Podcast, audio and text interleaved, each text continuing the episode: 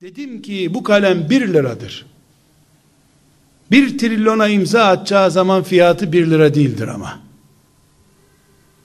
O zaman 1 trilyon eder. 100 trilyona imza atacağın zaman başka kalemde yoksa bu 100 trilyondur. Eğer bugün Diyanetten, layık devletin diyanetinden maaş aldıkları halde sadece namaz kıldırıp namazdan sonra camiyi terk eden imamlar yüzünden benim dinimin emri bin marufu nehyanil münkeri yapılmıyor da camilerin altlarında bile piyango biletleri satılıyorsa, meyhaneler açılıyorsa, caminin bahçesinde insanlar oturup ezan okunduğu halde camiye gitme ihtiyacı hissetmiyor. İmamlar da buna rağmen uykuları kaçmıyorsa ve aldıkları maaşı helal zannediyorlarsa, yani ben imam olmadığım halde, müezzin olmadığım halde, vakıf başkanı olmadığım halde, benim bir liralık değerime Allah, bu asırda bir trilyon yüklediyse kaçırmam bu fırsatı. Bir kişinin hidayetine vesile olurum, bir kişiyi haramdan kurtarırım, bir kişiyi sabah namazına başlatırım, Rabbimin huzuruna Halid bin Velid gibi çıkarım ben o zaman. Din böyle bir din arkadaşlar. Ama ben de doğal tabi herkes uzmanlaşma zamanındayız kardeşim. Ben nasıl ekonomi okudum, o da ilahiyat okumuş. E herkes işini yapsın dersen, herkesin işi dinden kaçmak olur o zaman. Herkes kendine bir kılıf bulur. İmam da ne diyor zaten? E devlet para bunların peşinden git demedik ezan okudu. Ezan okudum gelselerdi diyor. Bir imam e, ziyaretime geldi.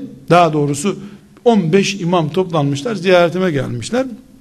Bir konuşmamda imamlara sataştığım için hem beni tebrik edecekler hem hesaba çekecekler öyle gelmişler. Oturduk çay içtik muhabbet ettik. Ee, dedim ki hoca efendiler nasıl durumlar anlattılar işte şöyle böyle güzel muhabbet ettik. Ee, ama böyle diş biliyorlar sonunda puntosuna getirip sen imamlarla niye uğraşıyorsun diyecekler gayesilerini bu olduğunu sonra anladık. Dedim arkadaşlar e, bir soru sormak istiyorum. Sizce bir imam beş vakit namazı camide hangi hatalarla kıldırırsa maaşı helal olmaz? Dediler ki işte bir sürü cevaplar verdiler. Tatil erkana uymazsa, e, abdestsiz namaz kıldırırsa, yani mesela dedim abdestsiz namaz kıldırırsa ne olur? O Müslümanların namazını Allah ondan sorar dediler. Emin misiniz dedim ya. E hocam bundan şüphe mi ediyorsun dediler. Biri dedi ki sen ne diyeceksin onu de dedi. Sen böyle boşuna sormuyorsun bu soruyu dedi. Dedim arkadaşlar herhalde size camideki namazı abdestsiz kıldırırsanız Allah bunu sizden sorar mı diye soracak kadar boş bir adam değilim. Camiye gelenlerin namazını boşa çıkarırsanız Allah soracak da camiye gelmeyenlerin namazını benden mi soracak dedim. Sizin mahallenizde Allah'ın sizden soracağı şey camiye gelenler midir? Kime soracak Allah? Yüzde sekseni camiye gelmiyordu bu mahallenin. Yüzde seksenin hesabını kimden soracak dedim. Maaşı sen alıyorsun hesabı ben mi vereceğim? Her biri de Konya'nın bir küçük kasabasından gelmişler. Diğer biri küçücük bir kasaba zaten. E, toplanmışlar. Yani çok güzel sonra helallaştık. Gözyaşıyla ayrıldılar. Ben de duygulandım. Çok teşekkür ettiler bu ikazımdan. E, yani tamam hocam dediler. Muhakkak istişare edeceğiz.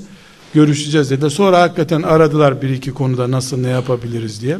Şimdi arkadaşlar yani imamlar bile sadece Gelen ihtiyarların görevlisi addediyorlar kendilerini. Gelmeyenleri kimden soracak Allah? Sen namaz kıldırma görevlisi değilsin bir defa. Ümmetin hizmetkarısın. Kabul ettim namaz görevlisisin. E, kardeşim aboneni artır ya, müşterini artır. Yani en azından müşteri gözüyle bak cemaate. Bu caminin müşterisi artsın de. Demek ki imamların bile bu noktaya kendilerini kaydırdıkları bir zamanda bir genç ekonomi okuduğu, hukuk okuduğu halde veyahut da filan dil fakültesinde okuduğu halde, tıp okuduğu halde hem mesleğimi icra ederim hem de dinimin hizmetkarı olurum dediği zaman eh Allah ondan razı olmayacak da kimden razı olacak? Onun Selimiye Camii'ne imam olması gerekmiyor ki ümmetin önünde bir imam o zaten.